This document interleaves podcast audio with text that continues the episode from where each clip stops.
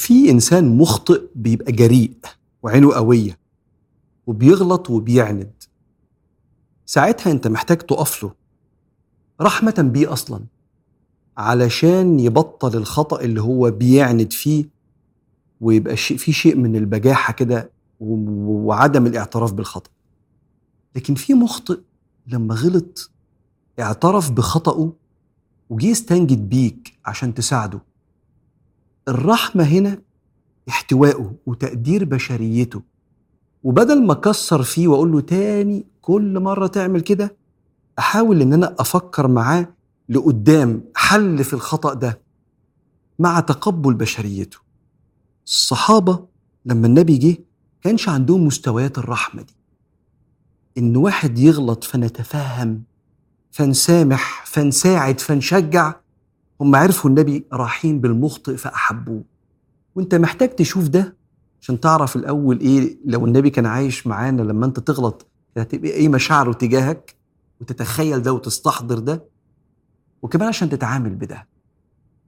سيدنا النبي عليه الصلاة والسلام جاله واحد بيقول له يا رسول الله هلكت أنا ضعت. قال مه تقولش نفسك كده. بص البداية عاملة إزاي. مه إيه اللي حصل؟ ما تقولش على نفسك كده بس احكي لي.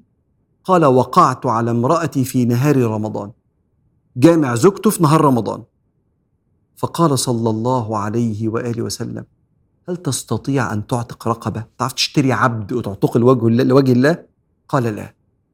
قال فهل تستطيع أن تصوم ستين يوما؟ قال يا رسول الله لا. كأنه عايز يقول يعني أنا أصلا في نهار رمضان ما عرفتش أتمالك نفسي في الموضوع ده. هصوم ستين يوم ورا بعض. قال فهل تجد ما تطعم به ستين مسكينا؟ قال لا. فسكت النبي صلى الله عليه وسلم ثم دخل فخرج بعرق من تمر كأنه دخل كده إيه وجاب شوية تمر كتير كده. فقال خذ هذا فتصدق به على فقراء المدينة. قال وهل على أفقر مني يا رسول الله؟ والله ما بين لابتيها. ما بين حدود المدينة من هو أفقر مني؟ فضحك النبي صلى الله عليه وسلم. وقال خذ هذا فأطعم به أهلك. أنت شايف الصحابة شايفين قدامه إيه؟ واحد جاي فطر في رمضان بس بسبب ضعفه قدام غريزة. هو مش إنسان بيستهين بالصيام أو إنسان مستهتر. ضعف ضعف معين ضيع عليه اليوم. وجه للنبي في صورة التائب المستغيث الحقني أعمل إيه؟ أنا كده ضعت ولا إيه؟ قال له لا ما تقولش على نفسك كده. اعمل ده ما أقدرش. طب اعمل ده ما أقدرش. طب تصدق على المساكين؟ والله العظيم ما معايا حاجة. طب خد تصدق على المساكين. قال له أنا أفقر واحد في المدينة. فضحك النبي عليه الصلاة والسلام. قال له خد أكل مراتك وعيالك. لما راجل يبقى عنده غلطة كبيرة زي دي ويروح للنبي يرجع معاه أكل لمراته وعياله يفكر إزاي في النبي؟ ويحس إزاي تجاه سيدنا النبي عليه الصلاة والسلام؟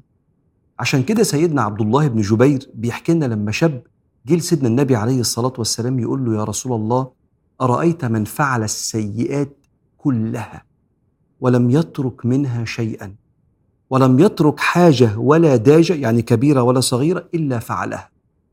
فقال صلى الله عليه وسلم هل أسلمت؟ قال نعم. أما إني أشهد أن لا إله إلا الله وأنك رسول الله. قال تفعل الحسنات وتترك السيئات. يجعلها الله لك كلهن حسنات. قال وغدراتي وفجراتي؟ قال نعم. فأدبر الشاب وهو يقول الله أكبر الله أكبر حتى توارى. شاب داخل عارف اللي بيعري نفسه قدام الناس يقول له يا سيدنا النبي أنا ما فيش حاجة ولا كبيرة ولا صغيرة سبتها. فهل يعني أنا ليا مكان عند ربنا يعني؟ فقال له أنت مسلم. قال له آه ده أنا مسلم. قال له خلاص. تكمل حياتك بتعمل حسنات وتبعد عن السيئات على قد ما تقدر. قال له والمصايب اللي فاتت قال له والمصايب اللي فاتت كلها يقلبها حسنات. ما هو النبي بيحكي له عن الآية اللي في خواتيم سورة الفرقان. إلا من تاب وآمن وعمل عملا صالحا فأولئك يبدل الله سيئاتهم حسنات. أنت بس اللي كنت بعيد عن ربنا. أنت لو جيت له وكملت كده كل اللي فات الحسنات تبقى حسنات والسيئات تتقلب حسنات. فالولد من رحمة النبي بيه فضل لغاية ما اختفى بيقول الله أكبر الله أكبر كأنه بيقول له يا سيدنا النبي شكرا عرفتنا على كرم الكريم ورحمة الرحيم. سبحانه وتعالى. عشان كده أنا فرحت جدا لما كنت بدور على هو النبي قال إيه لسيدنا الفضل بن العباس لما كان معاه وراكب وراه في يوم حجة الوداع في يوم عرفة والست المرأة الخثعمية جت تسأل النبي سؤال عن الحج والفضل بن العباس هي كانت شكلها حلو. عمال يبص لها كده والنبي يتاخر آه، وشه. والفضل يرجع يبص لها. كنت متأكد إن النبي قال له حاجة بعد ما مشي. لأن الحديث بتاع سيدنا الفضل وهو بيبص لها خلص من غير ما النبي يقول له حاجة. فوأنا بدور كده لقيتها. سيدنا النبي يقول للفضل يا فضل إن هذا اليوم من ملك فيه سمعه وبصره ولسانه غفر له. بص الرحمة بالمخطئ. ثم عرفوا النبي كده. يعني هو راكب ورا النبي عليه الصلاة والسلام وبيبص البنت في يوم عرفة وإحنا محرمين وصاحبك اللي راكب جنبك النبي في حد يعمل كده؟ آه في إنسان ممكن يعمل كده وإنسان من سيد الناس. الفضل بن العباس بن عم النبي صحابي. إنسان ممكن يغلط. والنبي يقول له يا فضل اليوم ده بس املك سمعك وبصرك ولسانك وشوف ربنا يعمل معاك إيه.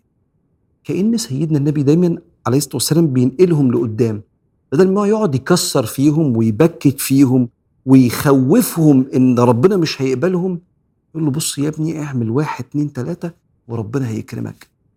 فكل واحد غلط يروح وهو مردودة ليه نفسه اللي فقدها وفقد الثقة فيها لما بيغلط.